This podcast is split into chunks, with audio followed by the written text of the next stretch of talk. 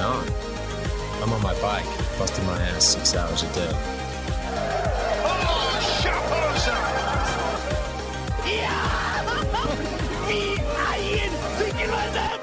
Velkommen til en ny og årets første episode av Sykkelsirkuset. Vi er en podkast som tar for seg de største sykkelrittene på sykkelkalenderen.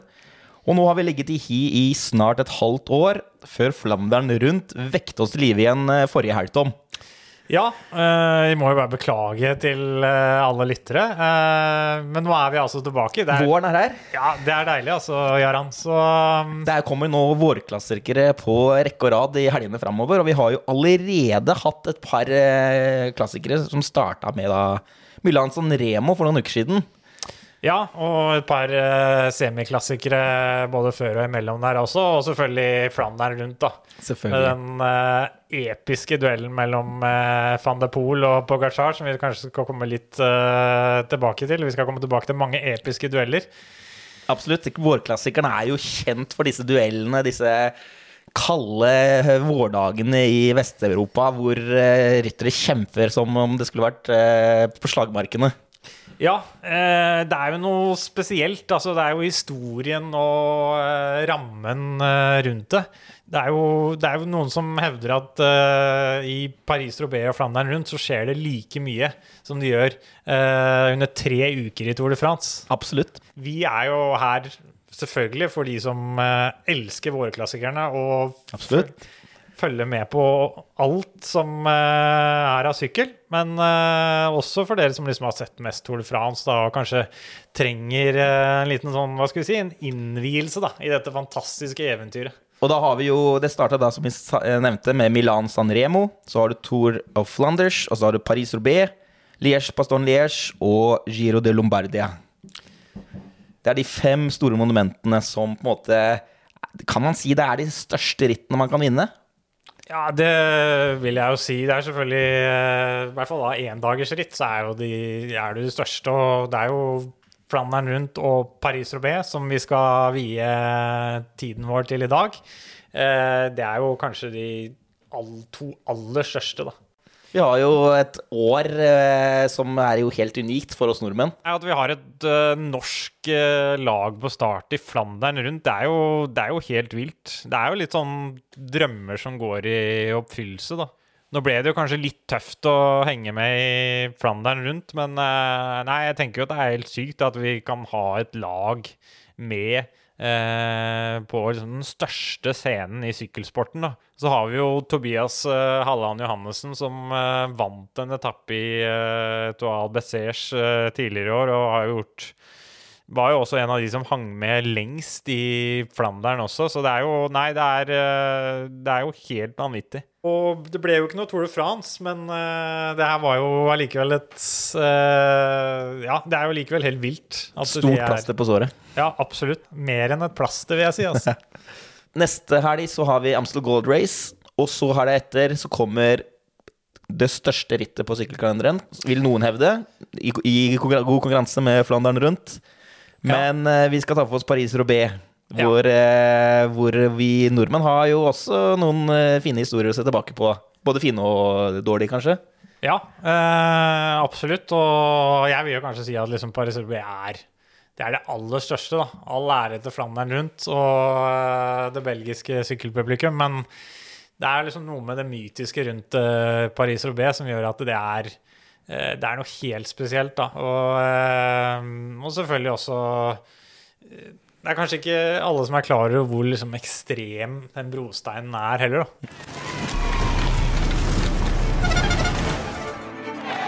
Det er krise, og se på Tore, han er en verdensmester på sykkelen. Han manøvrerer seg gjennom der og ligger i front. Og da er det to mann igjen for øyeblikket, og Possato kommer jagende like bak. Hvilken finish det blir, hvis det blir disse to eller disse tre. Man kjenner de to pappenheimerne foran der også. Ja, men nå må ikke noen eh, lavpanner ødelegge for disse rytterne. Det er jo som å kjøre omtrent igjennom et eh, Hvis noen lurer på hva de gule og sorte flaggene er, så er det altså Flanderns flagg. Men det er jo ikke til ære for Tor Hushovd, det er til ære for Tom Båten. Ja, det er det! Nei! Nei! Nei, Tor! Nei, Tor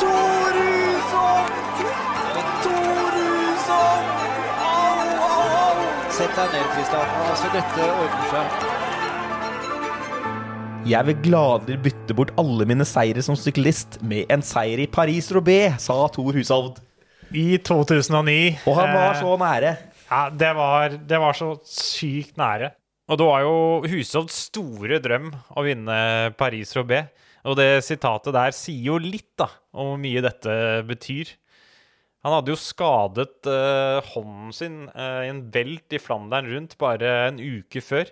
Så han kommer altså inn på dette siste ordentlige brosteinspartiet i tet med selveste Tom Bonen, kanskje den største brosteinsyklisten i sin generasjon, da, med skadet hånd. Uh, dette var jo siste hindring. Kommer han seg bare gjennom det, så er det bare spurten på velodromen igjen. Og han var jo den beste spurteren. Alle visste at han hadde slått bånden i en spurt ni av ti ganger. Men rett før svingen da, så tar han dette valget. Som kanskje Ja, det må jo være det han har angret på mest i livet. Han slipper bånden forbi. Og han feilberegner jo farten helt, så han klarer liksom ikke å bremse ned med den skadede hånden. da. Så han deiser bare inn i gjerdet i folkemengden og ender ned i brosteinen. Og det var jo helt umulig å kjøre seg opp igjen da. Da var det på en måte Da var det kjørt, da.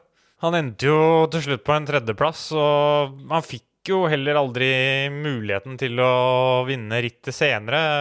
Andreplass året etter, i 2010, bak Cancellara, som var helt suveren. Men eh, året etter så fikk han jo på en måte sin eh, oppreisning, da.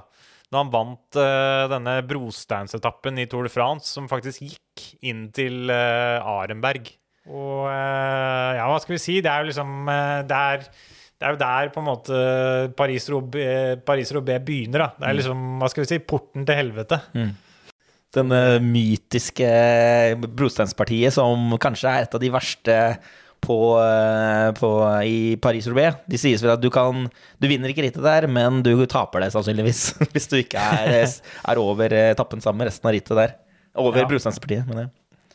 Uh, ja, absolutt. Og det var vel tidligere var det ikke noe gjerder. Mm. Så da kunne jo syklistene sykle eh, Da sykla jo syklistene ofte sånn omveier og sykla utenom eh, brostein. Mm. Men nå er det jo så mye tilskuere. Det er jo folk overalt, og det er i tillegg satt opp gjerder, så nå har de liksom tvunget rytterne til å sykle på den Midt på brosteinen. ja, den er eh, massive brosteinen, og det er vel Jeg tror de er vel sånn 20 ganger 14 centimeter, cm eh, disse brosteinene, som er bare hamret ned i grunnen. Da. Ja, det her er jo ikke noe sånn brosteinsstein som du finner på senteren i byen der du bor, men det er jo virker som det er bare en lastebil som har bare kjørt over og bare kasta ut noe stein bak seg. Ja, Det er ja. ikke akkurat eh, en, en anleggsgartner som har lagt det greie, den brosteinen her.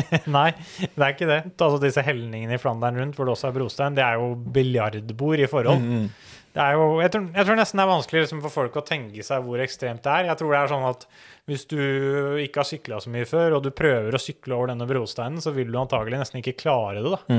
Og du, du må ha så høy fart igjennom, og syklisten har vel ofte også litt mindre luft i dekka, så de ikke skal punktere over eh, Ja, de, de har jo det. Og det, det verste er jo kanskje å bremse. Altså, du kan ikke bremse. Har du først liksom kommet opp i fart, så får, må du finne en rytme for å liksom klare å eh, komme deg over eh, brosteinen. Og vi ser jo veldig mange at liksom, vi, vi så samme med, vi så med van de Poel i Flandern rundt, at han eh, i den siste eh, helningen så søkte han jo ut mot sida, fordi det, det, det gjør jo ofte rytterne. De søker ut mot sida for å bare få en liten pause fra brosteinen. Men uh, i Arenberg så er jo det det er jo nesten helt umulig. Det er faktisk uh, Geir Stian Ulstein som, uh, fra boken 'Monumentene', som var til stede på rittet. Han beskriver det slik, da. Straks kommer de inn på en lang rekke, i full fart. Det er kaos blant dem som passerer. Jubelen runger mot feltet og fyller hele skogen. Jeg undrer på hvor dypt nede i gruvene jubelbruset kunne ha blitt hørt. Den tiden er over. Gruvene ble endelig stengt i mars 1989. Det er rart å se de kule rytterne helt ute av komfortsonen. Der de humper forbi oss. Hvem leder? Hvem faller? Aner ikke, alt er kaos. En mindre kjent rytter smeller i brosteinen, og blodet renner nedover ansiktet hans. Det er noe primitivt ved det hele, og ikke i negativ forstand. Det er noe ved disse forvirrede scenene som appellerer til meg, uten at jeg vet hva. Gladiatorkamper på Colosseum i Roma sitter i blodet mitt, i genene. Og så er rytterne vekk. Vi løper til bilen i håp om å fortsette å henge med under rittet. Fantastisk.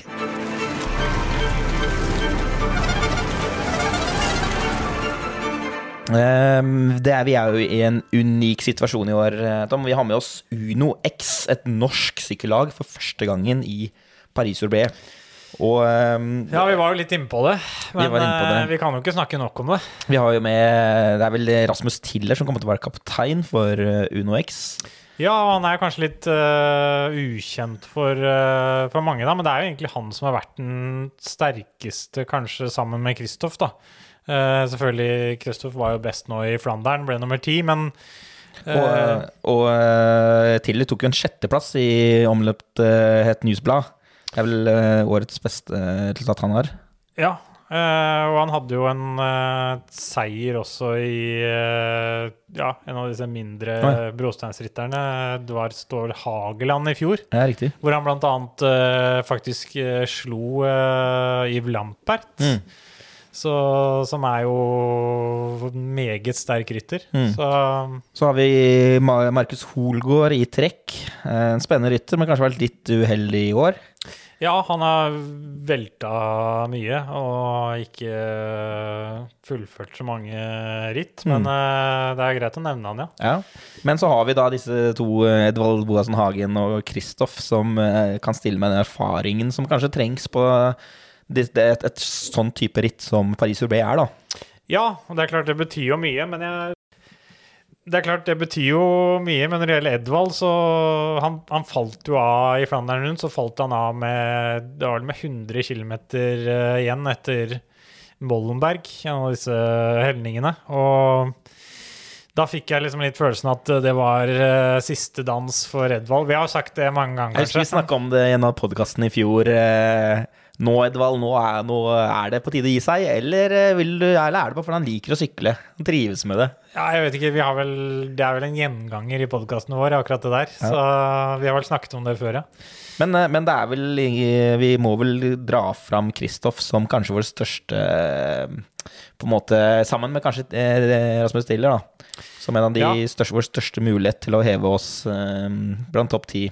Ja, jeg vil jo si det. Jeg vil kanskje si at både Kristoff og Tiller er blant de hva skal vi si, 15 beste brosteinsrytterne i verden, da. Nå har, nå har jo ikke nødvendigvis Kristoff hatt de beste resultatene i Paris-Roubais tidligere. Jeg tror beste var tiendeplass i 2014, Ja. Og en 14.-plass i eh, Det var vel 2013 han ble nummer, en av de første gangene han Ja, sykla. Ja, han ble det. nummer ni, faktisk. Han ble nummer 9, og så har han hatt nummer ti, og så har han hatt en plass tror jeg. Ja, og da har det vært typisk sånn uh, i spurten bak i feltet, så Ja, han vinner den. Ja, den vinner han jo ni av ti ganger. Jeg spørs om han, om han eh, hever seg blant uh, helt toppen, det gjør nok neppe, vil jeg tro. Nei, jeg vet ikke. Det er jo litt rart det der at han ikke har klart å hevde seg i Paris og B. er- Jeg, vet ikke, jeg, jeg føler ikke det er noe klart svar på det, hvorfor han har vært så god i Flandern, men ikke i Paris-Roubais. Han har vel sånn tre-fire eh, did not finish eh, de siste fem åra, tror jeg. Så Ja. han, han har vel hatt litt uflaks med punkteringer og, og så videre. Husker Ja, han har eh, det, men Husker han sto i at- Arenberg en gang også. Ja, men det handler, jeg tror kanskje det handler litt om utstyr også. At Mm. han har ikke hatt det beste utstyret i, de, eh, i verken Katusha eller eh, UAE. da. Mm. Og det er klart, Paris-Roubais krever nok eh, Det krever nok enda litt mer eh, utstyr og forberedelser, da. Og vi kan vel ikke regne med det at det blir noe bedre nå i Intermarché. Nei, men samtidig er det et belgisk lag, da. Mm, det er sant. Så, og så har han kanskje litt mer eh, støtte nå. De har jobba mye med Han har kanskje litt mer eh, Litt mer eh, Får litt mer hjelp enn han hadde i hvert fall i Katusha, da. Mm. Så Nei, jeg mener i UAE. UAE. Så um, vi skal ikke avskrive han, men jeg tror at uh, disse altså, bakkene i Flandern passer han bedre, da. Uh, de eksplosive bakkene. Ja. Og så Edvald uh, snakka vi om, ja. ja, vi blir aldri ferdig med Edvald. ferdig med Edvald. Han kommer sikkert til å sykle 20 år til. Dra en Rebellin. Edvard blir den nye Rebellin. Jeg leste faktisk at uh, Mats Kaggestad vurderte comeback også, så Ikke sant? kanskje vi får Mats Kaggestad og, uh, Og Knut Knutsen. på Uno X i, ja, Knut Knutsen i, i 2030. Det blir bra. Neida. Men det, ja eh, For å bare hvem, hvem, Hvor tror du Kristoff havner? Tror du han klarer det innenfor topp ti? Eh, ja, på en god dag så tror jeg det skal være mulig. Ja. Men, eh, men så er det kanskje litt mer, eh, litt mer tilfeldigheter i eh, Eller ikke tilfeldigheter er gærent ord, men det er mer som kan gå galt i Paris-Roubais enn i Flandern. Og mm. det, er, eh, det, er, det er hårsmå marginer som skiller en 15.-plass og en uh, pallplass. Da. Så Hva, hva Altså, vi har snakka litt om disse brosteinssektorene. Ja. Hva, hvorfor er det Hva er så, er så spesielt med disse i, eh, i Paris-Roubais? Uh, de er jo, det er jo, det er jo litt, egentlig litt som uh, bakkene i uh, Tour de France. Så er disse klassifiserte da, Mm. med, eh, etter vanskelighetsgrad med én til fem stjerner. Så det er litt som, som disse kategoriene vi har på bakkene i eh, Tour de France og andre ritt. Så, så det går jo på vanskelighetsgraden, eh, rett og slett. Og så er det jo Totalt så er det 30 av disse sektorene. eh, og totalt til sammen så er det 55 eh, km med brostein. Så det er jo en femtedel av rittet er jo da på brostein. Ja, det er det. Så hvis du går langt tilbake i tid, så var det faktisk brosteinsektor. Altså det var Hele avslutningen av rittet var bare en eh, eneste stor eh, brosteinsektor. Jeg tror det var den lengste var på 40 km. Men eh, det er eh, allikevel nok, eh, nok av brostein å ta i år òg, da.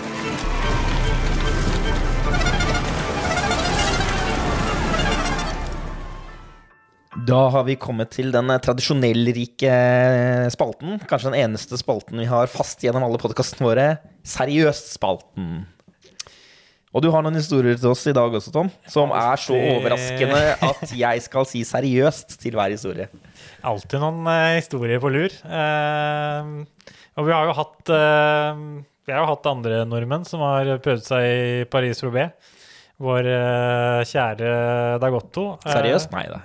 Ja, litt tidlig det. litt tidlig. Men uh, du er på, det er bra. Men Ja, uh, Dagotto syklet Paris-Roubais i eh, 1988. Og han hadde da lagt en plan på forhånd, fordi det er klart, som vi snakket om, så er det veldig mange som punkterer på dette strekket i Arenberg. Så han hadde jo da lagt en plan om at han skulle ha to kamerater som sto klar med hjul hvis han punkterte. Og eh, det gjorde han jo selvfølgelig. Det hørtes så smart ut, det. Ja, absolutt. Ja. Det har gått og punkterte i eh, Arenberg, og da hadde han også gitt disse to kameratene 7-Eleven-trøyer, som var laget han sykla på eh, da. Og eh, disse to kameratene løp ut i veien med hjul, med hjul til Dagotto. Men problemet er at de hadde ikke tenkt på at det var følgebiler bak rytterne.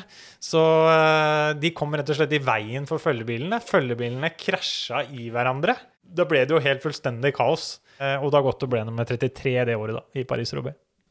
Har du flere historier på lager? Ja, jeg har alltid sånne flere eh, historier. Det jo eh, Det var faktisk i 1961, da skal vi en del med, lenger tilbake i tid, så var det Rick van Looy. Eh, eller keiseren Rik den andre, som han ble kalt. Det er vel han som har vunnet eh, alle monumentene, er det ikke det? Ja, han var faktisk den første til å vinne alle sykkelsportenes, eh, sykkelsportenes fem monumenter. Det er helt riktig. Eh, før Eddie Merckx, faktisk. Dette Mm. var jo keiseren. Det var før kannibalens tid. Og eh, han hadde brukket hånden i eh, Flandern rundt. Det er jo en eh, gjenganger. Og eh, altså da uka før uh, Paris-Roubais. men han eh, kastet eh, gipsen bare etter noen dager og bestemte seg for å stille i Flandern. Han hadde vel blitt nummer fire, tror jeg, to år tidligere, og han ville revansjere denne fjerdeplassen. da. Så, eh, og bare for å ta det først, så i Paris-Roubais så er det jo det var faktisk vanlig at uh, syklene Nei, at uh, rytterne måtte sjekke buksa si når de kom til mål, fordi de faktisk trodde de hadde gjort i buksa så mye ristete på brosteinen. Seriøst? Og, uh, ja, helt seriøst. Og uh, Rick van Looy startet da Paris-Roubais med brukket hånd. Rick uh, det er faktisk fra samme by som Wout van Art også, så kanskje det er sånn uh, fødested for uh, keisere og kannibaler. Jeg vet ikke, men uh, herentals. Men uh, beklager, nå skal vi komme tilbake på sporet her. Ja, altså Etter 263 km da, i helvete, kan man si det, og lidelse og smerte med den brukkete hånden, så uh, kommer han da inn på velodromen. Uh, sammen med, med Emil Dams. Og ikke nok med det, van Looy hadde faktisk greid å pådra seg en sigepunktering også på et av de siste brosteinstrekkene. Uh, så han kunne, liksom ikke, han kunne ikke gå all in og satse i svingene i velodromen. Men uh, utrolig, utrolig nok vant han rittet til tross for dette, og vant sitt første Paris-Roubais, da. Seriøst.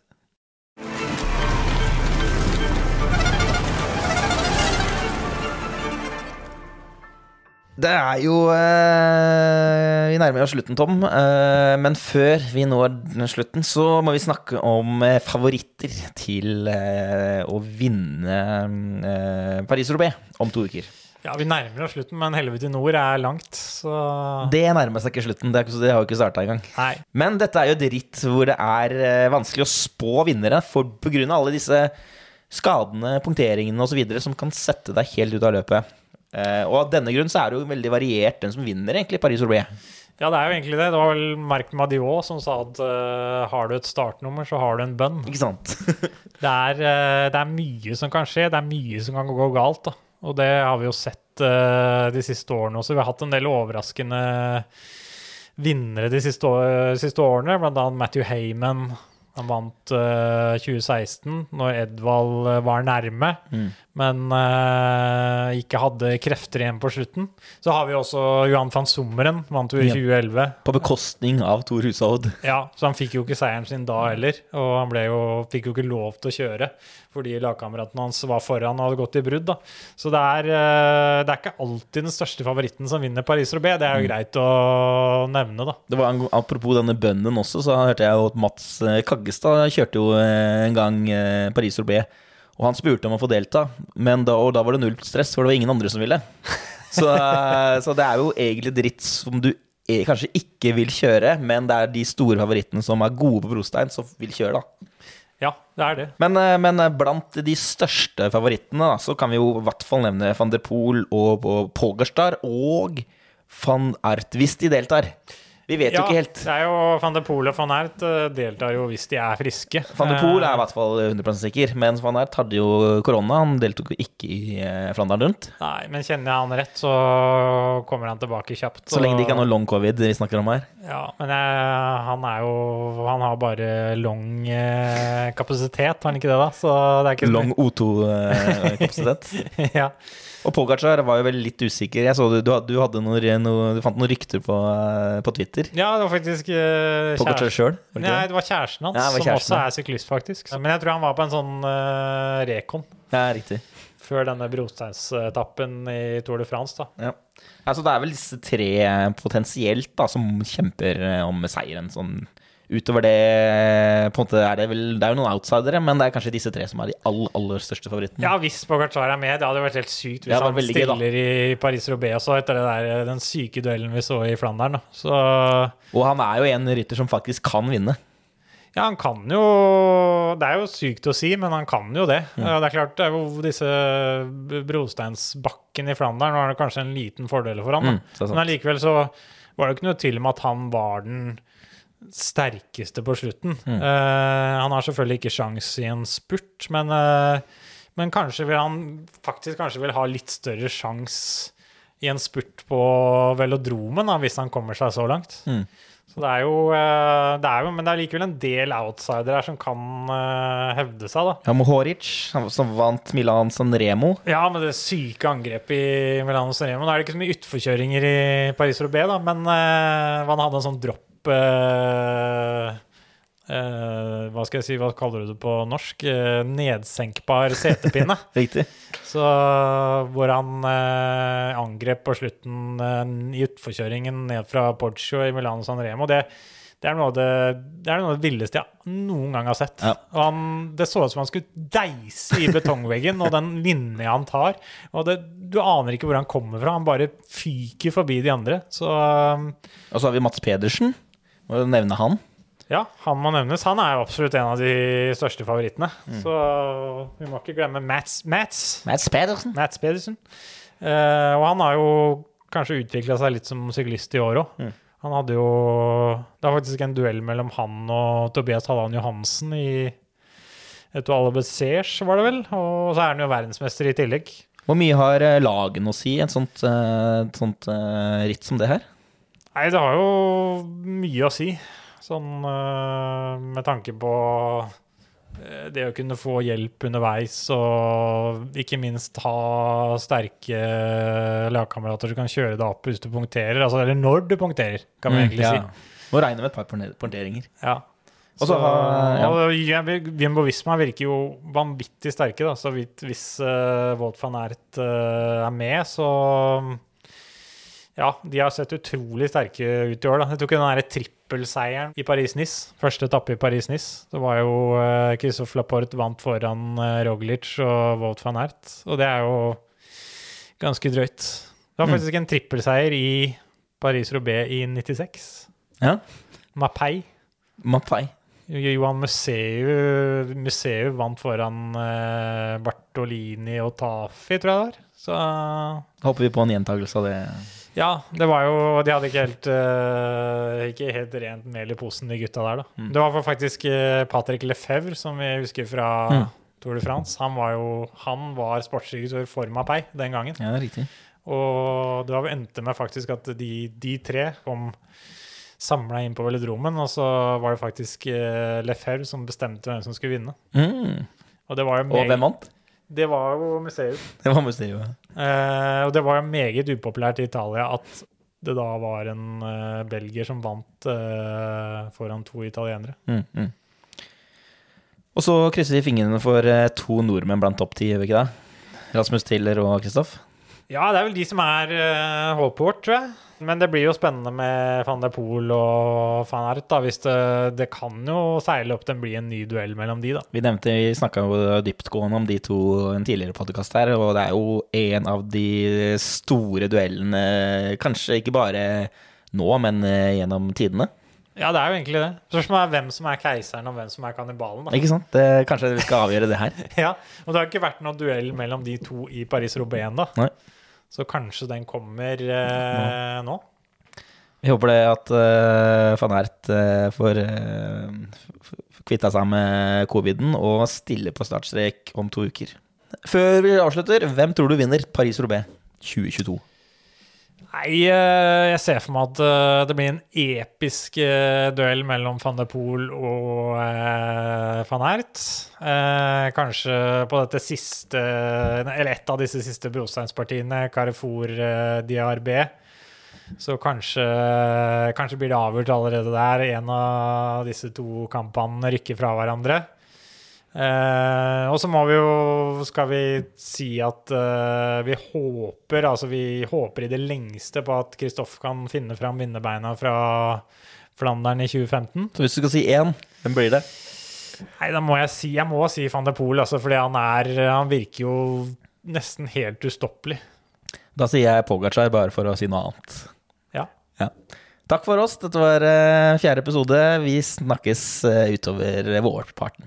Det har vært en ære å eh, være med dere.